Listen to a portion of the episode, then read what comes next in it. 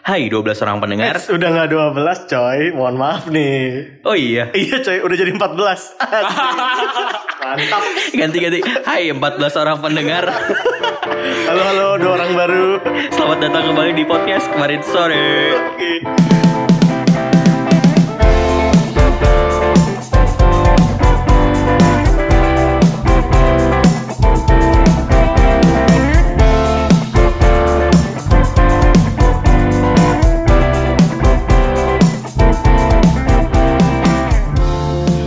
Oke, selamat datang di podcast kemarin sore. Eh, ini episode eh, kedua ya kalau di bulan puasa. Tapi tapi karena ini bulan puasa justru harusnya kita bisa lebih produktif dan hari ini kita eh, bakal ada tamu ya hari Iya. ini untuk episode hari ini eh, yang bakal banyak cerita lah tentang kita nggak eh, hari ini kita kan memang uh, core politik ya tapi Iya. ternyata politik itu kan sebenarnya eh, Ke mana-mana. bisa ke mana aja gitu masuk berbagai sektor ya gitu Dan- Kan kemarin ini Pak, gue kan banyak yang nanyain tuh tuh? kenapa belum dibahas sih topik ribut-ribut gitu-gitu gitu-gitu.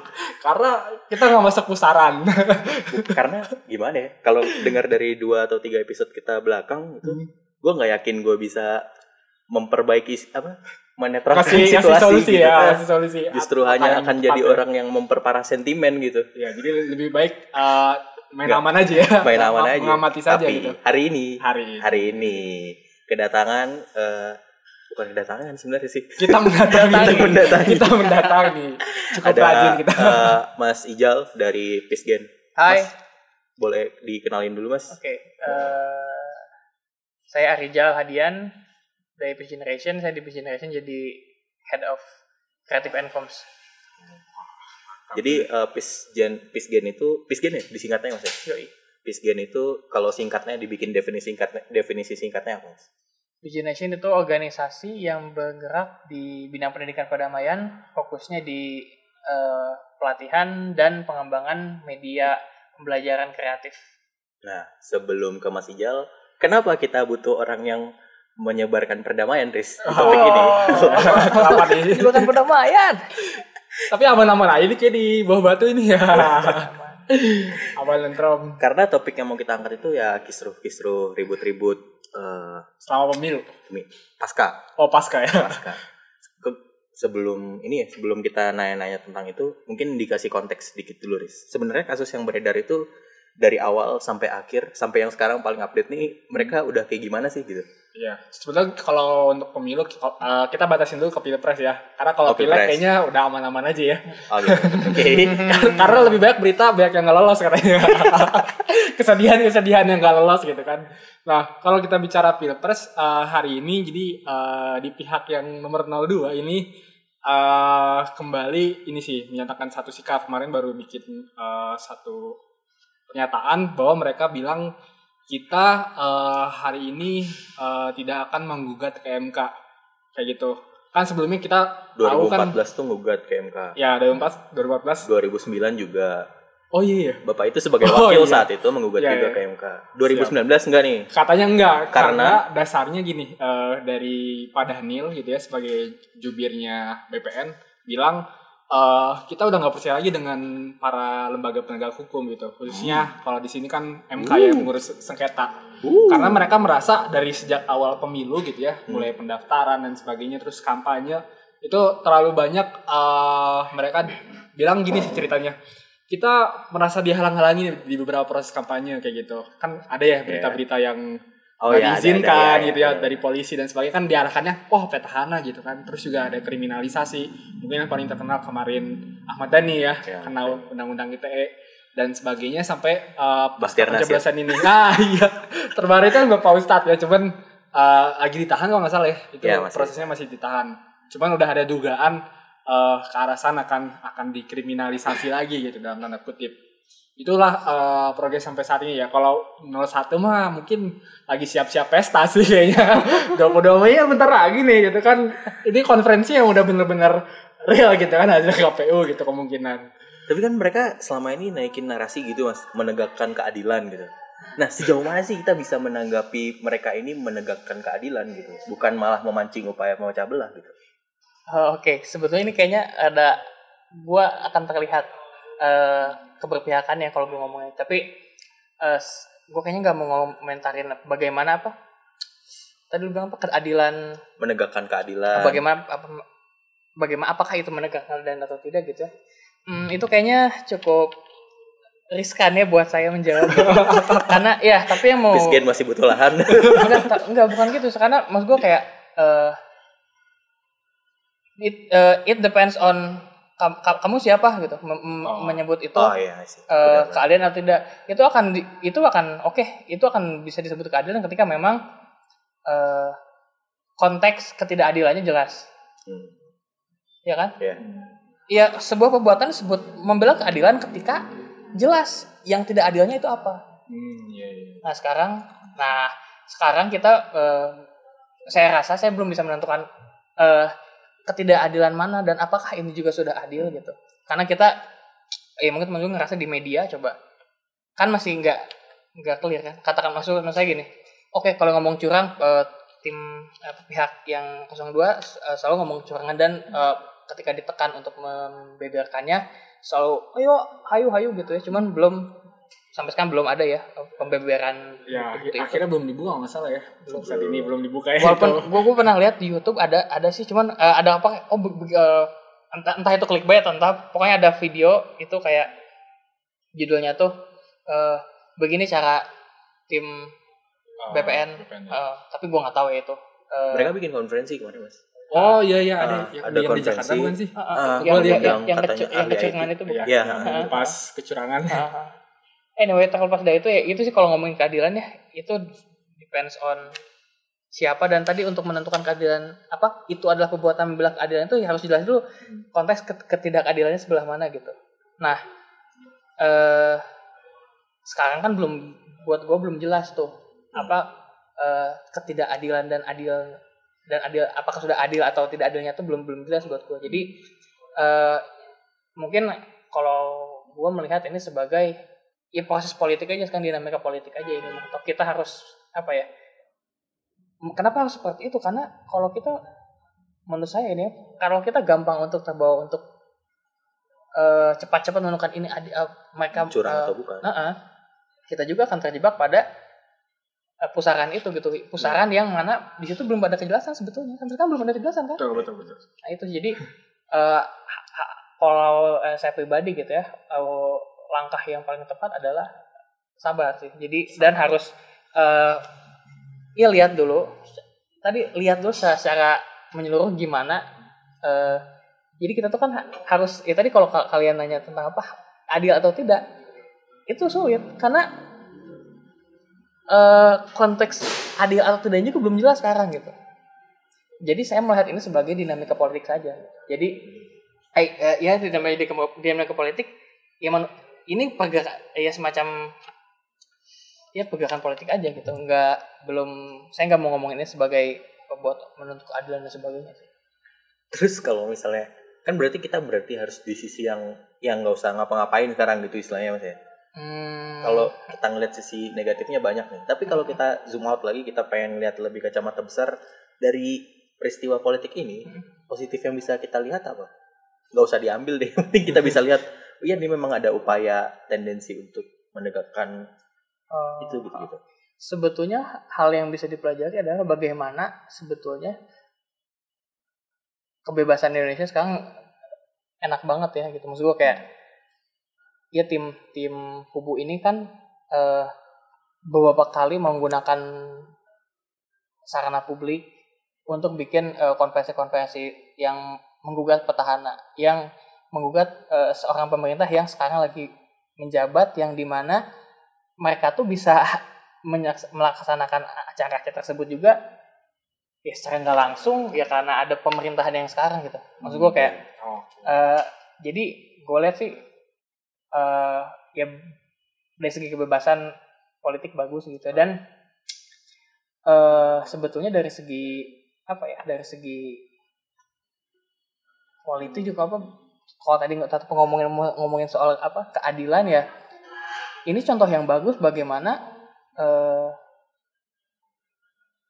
terlepas dari eh, realitanya seperti apa ya. Tapi maksud gue kayak bagaimana usaha teman-teman yang memper, ya apa yang katanya perjuangan pe- keadilan itu ya se- sejauh ini usahanya dan kemudian eh ada pun kayak tadi apa katanya kriminalisasi dan sebagainya tapi kan toh masih tetap jalan itu kan konferensi konferensi masih ada di ruang publik sebesar itu apa mobilisasi massa sebanyak itu masih bisa terjadi. Jadi menurut saya sih kalau dilihat dari situ wah apa dem- demokrasi Indonesia menurut saya masih masih jalan dengan sangat kuat gitu. Nah tapi dampak yang harus bisa jadi buruknya adalah ketika eh, media dan masyarakat juga apa tidak eh, tidak berbarengan untuk mengawal ini gitu. Mengawal itu seperti apa maksudnya gini tadi itu bagus apa ekspresi ekspresi politik yang muncul itu bagus menunjukkan bahwa kebebasan di sini terjamin di Indonesia gitu ya. Nah, eh, ekses yang harus diwaspadai apa? Ya tadi bagaimana media kemudian menyebarkan ini sebagai eh, apa gitu. Karena bisa jadi kan beberapa eh, ada yang di framing buat saya itu sebagai teror gitu. Misalnya eh, soal people power gitu.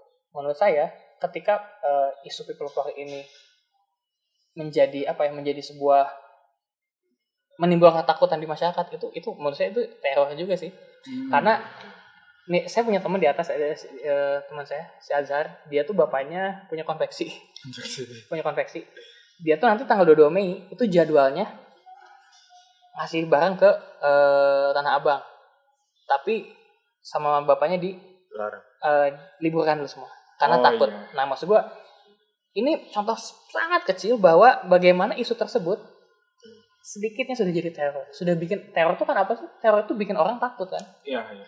Nah sedikitnya si munculnya isu ini udah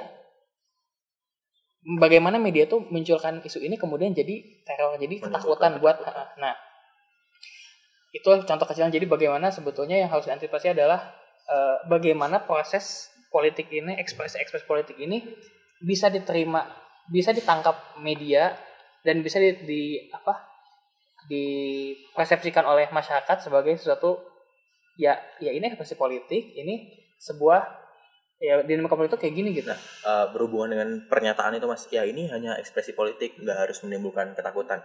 Pertanyaannya adalah sebenarnya masyarakat yang harus beradaptasi dengan narasi politik yang dibawa selama ini atau ya pelaku politiknya ngelihat dong masyarakat siap atau enggak dengan narasi ini gitu. Terus Baik, kayak eh, setelah ini yang mereka lakuin apa gitu kalau misalnya masyarakatnya belum siap ternyata dengan narasi yang kayak Hmm. gini Nah sebetulnya gini, eh kalau konteksnya saya sebagai masyarakat, ya pengennya sih eh, tokoh-tokoh politik juga memahami kondisi masyarakat seperti apa gitu ya. Terlebih lagi ya di sana kan ada ahli-ahli gitu, Hmm. ahli. Jadi eh ya harusnya kalau memang mereka peduli, harusnya mengerti eh, cara komunikasi yang baik seperti apa, cara bikin campaign yang baik seperti apa supaya tidak bikin kegaduhan gitu. Nah tapi eh, kita lihat sendiri hasilnya seperti ini gitu ya. Nah jadi kalau saya saya nggak mau pakai kacamata tadi ya kacamata sebagai si tokoh politik ini mas sebagai kita masyarakat ya kita aja yang menguatkan diri harus gitu. adjust Ya, dengan fenomena kita, gitu. kita, kita berharap mereka bisa bisa itu gitu cuman apa dayanya kita Tapi- jadi maksud gue kayak hal terkekan kita harus fokus pada hal yang produktif dalam arti maksud gue bisa kita lakukan sekecil apa pun secepat apa pun detik ini gitu nah yang bisa kita lakukan ya sebagai masyarakat ya tadi saling nguatin saling ngetin gitu Oh, berhubungan dengan itu, Mas. Kan kita sama-sama punya temen nih. yang eh, kebawa lah sama narasi yang ini. Iya. Sementara kita dengernya udah juga udah males. Apaan sih masih percaya kayak gitu? Sebagai orang yang menyebarkan perdamaian. Buset, iya iya Iya, kita aja udah sabar nih. Kita udah aduh, Temen kitanya masih masih ngomong kayak gitu juga, mau diserang gak enak. Apa yang harus dilakuin, ngomong-ngomong gimana ini kayak eh, ya mempromosikan salah satu atau bilang bahwa Ya, dia, dia ya ke bawah sama narasi itu. ke bawah lah Ah. gitu. Maksudnya eh, kan konteksnya arahnya ya kita Ah. Apa kita aja harus gitu, kedamaian. gitu, nentang atau ya demi kedamaian Iya. ya udah cuekin aja, buang kalau perlu gitu. nggak usah dibuang men maksud gue ya temenin aja biasa Oh, emang oke, emang bisa. itu ketika eh, itu kan hanya pada pada tahap ini kan hanya hanya membuat telinga kalian sakit kan gitu Iya. Kayak, nah ini buat mata gua- juga sih kan sebenarnya. Di medsos tuh kadang-kadang astagfirullahaladzim itu aduh ya tapi Allah. buat gue penting gitu loh jadi akan keren kalau orang Indonesia punya temen yang kayak gitu masih ditemenin Oh, oke. ya nggak bro Ya, ya, betul. nah kan Jadi yang nggak ngelihat, nggak ngelihat Ah, ya, ya. dalam satu. gue tau itu susah banget men gue itu susah banget apalagi kadang kalau ketika kasusnya adalah kita udah deketin Hmm. makanya yang men- menjauh gitu kan Iya. Ah, jadi menurut gue sih ya itu mah nggak usah diambil ini ya nggak usah diambil pusing gitu eh, ya harus sabar aja karena persahabatan itu lebih utama dari segalanya gitu. Nggak tapi eh, ah, ya itu logis banget maksud gue kayak coba. Katanya kita nggak mau perpe- perpecahan tapi Iya. lu mendengarkan temen lu yang ke bawah-bawah aja capek gitu. Hmm. dan kadang gini kadang nggak kadang ketika lu malah memilih untuk menasihati itu malah bikin hubungan lu jadi parah gitu. Jadi ada eh, apa mungkin eh, kalau harus itu ini case by case sebetulnya sih ya. Jadi gimana temen lu nya gitu. Jadi Iya. kalau temen lu kayak misalnya bisa diajak ngobrol ya dikit-dikit aja ngobrol. Menurut lu gimana sih? Ya terus kalau memang nggak setuju sama apa saling tidak setuju sudah kita eh, setuju atau tidak setuju gitu. Oh, Jadi, tidak sepakat. jadi ya ya baiknya sih menurut gue ya temenin aja nggak apa-apa dan kita harus jadi pendengar yang baik lah ini naif banget tapi kan Iya, ya. logis loh Sabar, Iya, sabar dilatih terus ya. Mungkin persatuan memang harus dimulai dari jelasnya perbedaan gitu ya mas. ya. jelasnya perbedaan Eh, persatuan tuh memang harus dimulai dari titik-titik di mana iya. perbedaannya jelas. Boleh mungkin Bapak Faris pertanyaannya Iya. supaya tidak hanya nyumbang, nyumbang ketawa. Iya, bang kan mendengarkan dulu. ya, kita kan bicarakan di sini tadi kan ada ketakutan-ketakutan nih kan eh, kalau hal fenomena yang tadi yang kita baru bahas itu eh, apa ya menimbulkan keributan gitu. Maksudnya kalau saya sendiri punya sempat beberapa kali baca kita tuh di Indonesia ini punya sejarah kerusuhan yang cukup banyak gitu. Walaupun udah dibilang eh, cukup lama kita mungkin bisa bicara kerusuhan di Sampit dulu dua tahun 2001 kalau nggak salah. Di Maluku juga sempat gitu atau Poso gitu. Itu lat- banyak latar belakang itu hal kecil sebenarnya gitu. Walaupun memang ternyata ada faktor ekonomi sosial dan sebagainya juga yang ikut mempengaruhi nih gitu gitu. Nah yang pengen dibahas di sini eh apa ya lebih ke mungkin apa ya langkah-langkah kecil yang kita bisa bangun gitu ya untuk menjaga perdamaian agar eh, apa ya karena kalau kita bicara konflik sosial juga ternyata ini bisa jadi apa ya eh, media apa ini nggak sih kematian yang cukup besar nggak sih gitu. Kayak gitu ya. Kayak maksudnya eh dari Sampit tuh ya ternyata kan sampai ribuan orang itu meninggal hanya karena hal kecil yang berlangsung jangka panjang gitu. Nah, Hmm. apa sih hal-hal yang kita bisa lakukan untuk eh, memulai eh, apa ya, membrainstorming kan eh, cerita tentang perdamaian atau juga kita menjaga kedamaian antar sesama antar kelompok gitu sih. Dan dengan adanya perbedaan gitu khususnya. Eh, ada dua hal tadi sebenarnya apa gimana nyebarinnya kemudian tadi eh, bagaimana perbedaan itu gitu ya Iya. Nah, mungkin gue pengen ngomongin tentang perbedaan. Eh, perbedaan kan eh, sebetulnya eh gue sih ada tidak setuju ketika orang ngomong bahwa konflik ini disebabkan adanya perbedaan. Jadi seolah-olah perbedaan. Jadi kayaknya itu salah perbedaan itu. Tapi di sisi lain kita kan memang berbeda. Kita kan nggak bisa sama gitu. Nah, nah gue melihat sini, oh kayaknya ada yang salah gitu. Jadi menurut gue sih bukan perbedaannya yang salah gitu tapi bagaimana kita memahami perbedaan.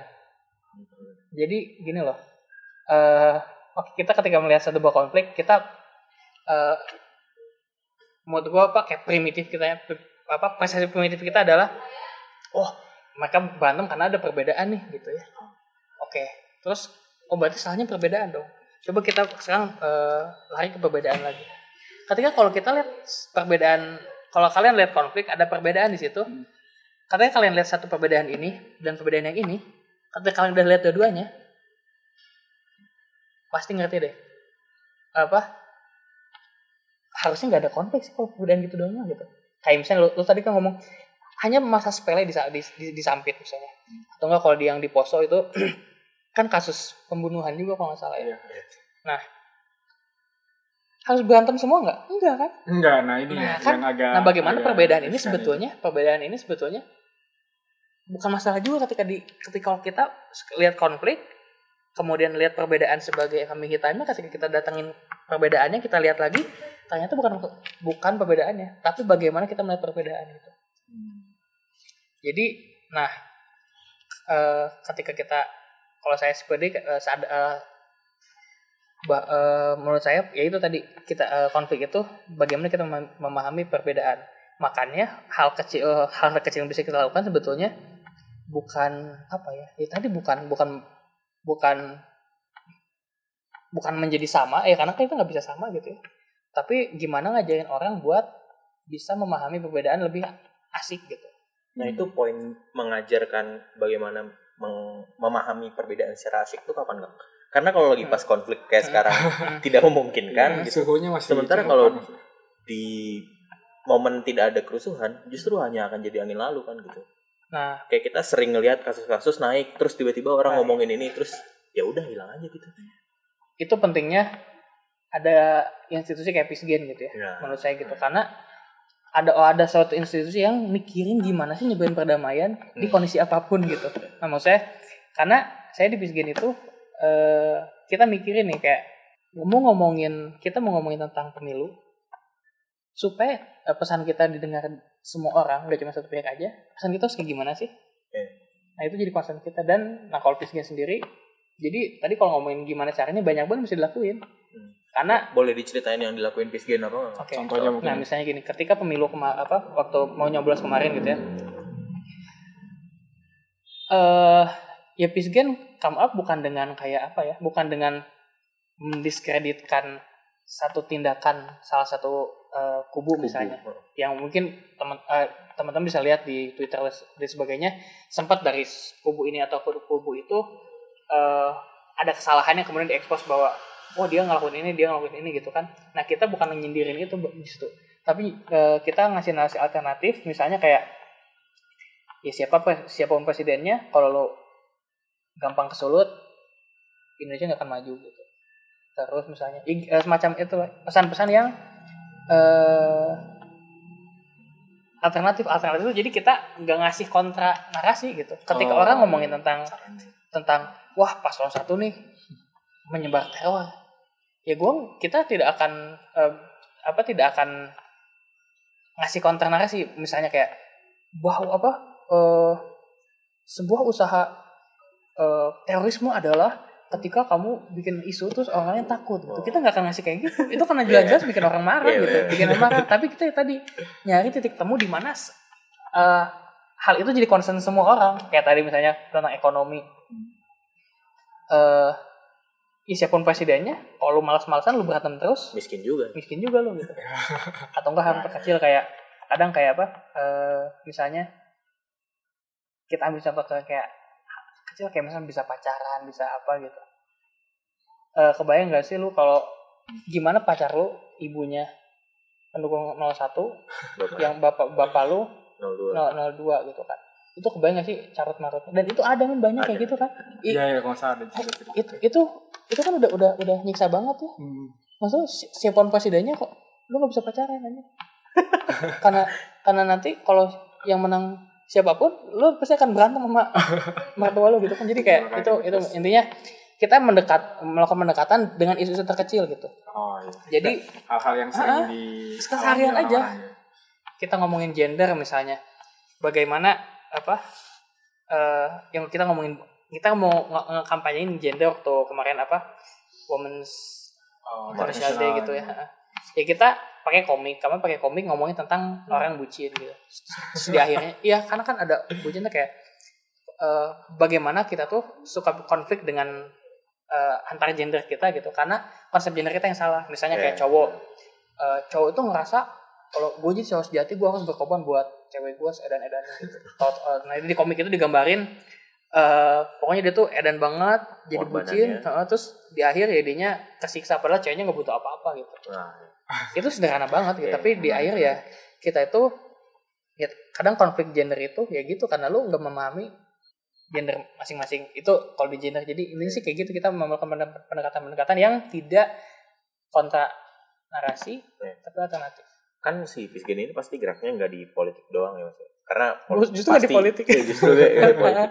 Karena emang politik susah kan pak? Maksudnya pilkada mana pun bebannya beban masa lalu yang dibawa terus sampai hari ini kan gitu. Pertanyaannya adalah apa konflik yang justru mengawali ya kita perlu nih ada Pisgen Eh, konflik ya? Sebenarnya Sebenarnya gimana? konflik atau bukan sih justru?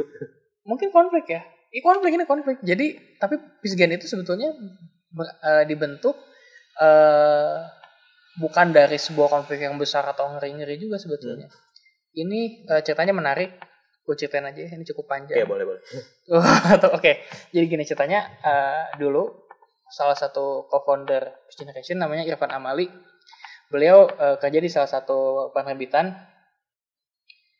Nah di penerbitan, itu kebetulan ada sebuah kursus bahasa Inggris gitu lah dari yang diadakan oleh perusahaannya. Nah eh, ketika itu Irfan Amali bertemulah dengan gurunya yang dia dari Amerika gitu. Amerika. Nah, ketika sesi diskusi, Irfan Amali itu yang backgroundnya dia seorang aktivis kampus, kemudian eh, apa? Dia juga sudah dari dari sejak lama eh, berjuang di isu perdamaian, ketemu orang Amerika kan yang waktu itu lagi invasi eh, Timur Tengah itu kan, Timur Tengah. ketika itu dia ngomong angkat tangan ke Pak Erik gitu, "Oh, Pak, eh, saya tidak suka dengan negara Anda gitu, karena apa ya lihat-lihat dengan apa nggak suka sama orang Amerika karena Iya. bagaimana Amerika melakukan Invasi. invasi invasi. gitu. Nah pada saat yang sama juga gurunya itu Pak Eric Lincoln ini Pak Eric Lincoln ini guru bahasa Inggrisnya yang di Amerikanya dulu dia jadi seorang penyuluh eh, anti narkoba gitu di Amerika. Nah dia melihat ada muridnya kayak gitu dia mikir gila di kelas gua ada seorang Taliban katanya soalnya Kang Irfan Kang Irfan itu waktu itu dia berjenggot Jenggot, gitu ya, kan ya. berjenggot tidak berkumis putih gitu kan terus tiba-tiba di kelas ngomong saya benci Amerika gitu kan nah ketika itu ada eh, apa sama- sama- sama-sama mempunyai prasangka yang buruk gitu Se Kang Irfan disangka Taliban Pak Erik disangka ya ya eh, antek-anteknya Amerika. Amerika gitu kan. Nah tapi seiring waktu berjalan ternyata mereka menemukan kesamaan karena ya backgroundnya mereka di perdamaian di apa penyuluhan anak gitu ya anak anak muda waktu itu. Akhirnya mereka bertemu saling akhirnya saling berrekonsiliasi saling apa, mendobrak prasangka saling ya saling ngobrol bahwa oh, oh gue gue nggak Taliban. Oh, oh ternyata di sisi Evan ini nggak Taliban dia dia ternyata eh, zaman mahasiswa sampai kerjanya juga aktif di isu perdamaian gitu. Terus ya Kak Evan juga mikir oh ternyata Pak Erick juga ternyata nggak semua Amerika Hmm. eh, seorang penjajah juga gitu ya. Ya, dari situlah mereka akhirnya eh, bikin gerakan namanya Peace Generation di tahun 2007 Di tahun 2007 itu juga kalau nggak salah keluar buku ya dari Mizan. Hah? Judulnya 12 nilai perbedaan. Ya perdamaian Oh perdamaian. Ah. Ya, perdamaian. Boleh diceritain nggak sih? Itu sebenarnya apa dan itu panduan umum kah buat orang mengerti perdamaian atau gimana sih si 12 nilai? nah eh, teman-teman mungkin kalau saya tanya perdamaian itu apa sih Perdamaian. Perdamaian. ayo bingung kan Perdamaian itu tidak adanya oh bukan salah. Oh iya tidak ada yang keluar. Perdamaian itu bukan Tidak tidak adanya keributan. Itu mah bentuk intinya itu abstrak banget ya men Ya. abstrak banget kemudian kan abstrak banget mau ngajarinnya gimana coba ngajarin apa perdamaian gimana kan akan sulit ya ngajarin sesuatu yang lu aja nggak bisa mendefinisikan lu aja susah untuk Iya. ya bikin itu mudah terbaca menstrukturkan itu Karena orang Jadi, ngertinya nggak ribut, bukan damai gitu. gitu kan Ya, Nah. Nama ribut. 12 nilai perdamaian ini adalah sebuah formula yang nge-breakdown gimana sih kita untuk memahami perdamaian dan bisa mengajarkannya gitu. Oh, I see. Nah, Jadi 12 nilai perdamaian itu isinya ada 12 nilai-nilai dasar yang tiap eh, inti nilainya ya ada inti pelajarannya. Misalnya yang pertama itu ada memahami menerima diri. Menerima diri. menerima diri itu kayak bagaimana konsepnya eh bahwa perdamaian itu dimulai dari diri sendiri dulu gitu. Jadi lu secara personal harus damai gitu. Makanya di Peace Generation itu eh kita punya metode mental health yang cukup eh menarik juga sih. Jadi kita tuh di pekerjaan ini tiap jam 9 masuk, kita tuh nggak langsung kerja tapi kita sharing pagi dulu. Sharing paginya bukan kayak lu jelasin lagi pekerjaan, tapi kadang ketika sharing pagi ada yang sampai nangis Oh, karena lagi punya apa masalah ada forum retrospeksi gitu berarti ada ada Nah, nah karena kita paham bahwa ya itu tadi kedamaian itu dimulai dari Jadi personal banget sendiri. gitu nah kemudian di nilai-nilai kedua Bersama. kedua sampai ke apa 12 nggak ke, ke- sampai ke 10 itu ngomongin tentang bagaimana relasi kita sama orang lain. Ah, Jadi isinya ada prasangka, kemudian isinya adalah bagaimana memahami perbedaan gender, bagaimana memahami perbedaan etnis. Di situ ada. Kemudian di lesson 11 sama 12 eh, itu bagaimana kita menghandle konflik gitu. hmm. Eh 10 sampai 12 itu bagaimana kita menghandle konflik. Jadi di situ ada kita belajar konflik resolution, memaafkan, mema eh minta maaf dan memaafkan. eh intinya itu 12 menit itu bikin kita bikin kita lebih mudah eh, mungkin tidak untuk mendefinisikan tapi untuk mengajarkan bagaimana sih eh, step eh, step by stepnya kalau mau bikin dunia lebih damai gitu kayak gitu sih. Kalau ada teman-teman yang tertarik buat join Peace Gen atau nggak tahu sih saya ngeliat ada kalimat agent of peace itu apa sih mas? Nah. Boleh diceritain? Wah menarik nih. agent of peace itu adalah volun eh, apa ya kayak Relawan. relawan-relawan peace generation mengkampanyekan. di udah ba- banyak banget udah di se Indonesia mungkin iya udah se Indonesia dan di ada di kalau di luar negerinya ada di Malaysia ada di Filipina Eh, jadi mereka itu adalah alumni alumni yang pernah ikut training Peace Generation kemudian mereka bikin gerakan masing-masing di daerahnya masing-masing Oh. Nah jadi eh, jumlah yang udah di training kita, eh, yang udah pernah di training sama kita udah sampai 30 ribuan. Waduh. Orang. Targetnya sih pengen sampai 100 ribu. Bahkan tidak bisa dikumpulkan lewat grup WhatsApp itu. Iya 30.000. makanya kita tuh chapter-chapter lagi. kita ya kita ada koordinatornya untuk itu. Jadi kita kita tuh sekarang di headquarternya di Bandung adalah mensupport teman-teman di daerah tadi untuk melakukan kegiatan-kegiatannya. Gitu. Kalau ada teman-teman yang tertarik buat tahu lebih pelatihan dan lain-lain kegiatan Peace Atau bisa ke ini ap- apa kapan kan training terdekat mungkin di Bandung? Hmm, untuk training terdekat saat ini di Bandung sih belum ada ya. Belum Pa- ada, ya. Paling dekat sih di Garut ada Iya. pesantren. Nah kita tuh kalau Ramadan ada namanya pesantren. Oh, wow. Pesantren. Jadi kayak pesantren kilat, Hmm. tapi ya kontennya konten-konten 12 tahun perdamaian gitu. Tapi di, dikaitkan dengan keagamaan. Karena memang katanya ngambil dari nilai-nilai agama ya. Iya. Agama Islam dan Kristen. Iya Semua sih? agama. Oh, semua kita agama. tuh niatnya semua agama. Jadi kita tuh faith based eh, Perbedaan.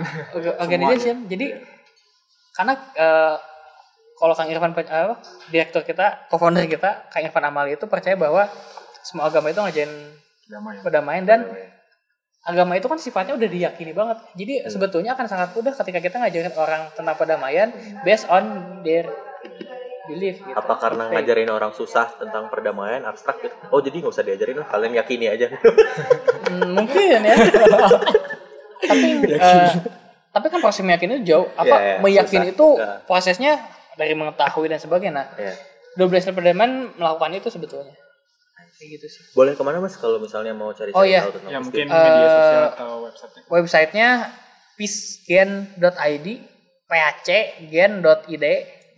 Heeh, kalau di Instagramnya at peacegen at peacegenid juga at Wow. peacegenid Peace- peacegenid gitu ya peacegenid gitu itu kita ak- aktif di sana di YouTube juga kita ada sama peacegenid juga peacegenid juga Ada konten-konten Ramadan juga ya mas ya? eh konten Ramadan kita kerjasama sama Inspigo atau Inspigo Oh, tahu. Oh, Inspigo. podcast podcast Ya. podcast gitu nah ada eh, di Inspigo Kang Irfan Amali dia ngisi kultum dan kuliah subuh gitu di Inspigo Top- topik-topiknya menarik dan siap-siap. seru lah gitu Siap, siap, siap. Terima kasih Mas Jal. Oke, Sudah thank you. mengisi podcast kemarin sore. Ya. Thank you. Jangan lupa teman-teman tetap follow Instagram kita at kalau kataku dan Twitter kita at kalau underscore kataku. Boleh juga ke Kang Ijal, boleh? Ya, Oh promosi ya, boleh boleh. Eh, bisa dihubungi saya di @arijalhadian. Jadi kalau ada yang ah kayaknya Kak Ijal nggak bener omongannya. Iya. Bisa ke sana. Ayo, serang saya. Apaan sih enggak bercanda. Ya, Terima kasih, Mas ya, Ijal. ya, thank you. Oke, Sampai jumpa semuanya di teman-teman. episode selanjutnya. Yeay.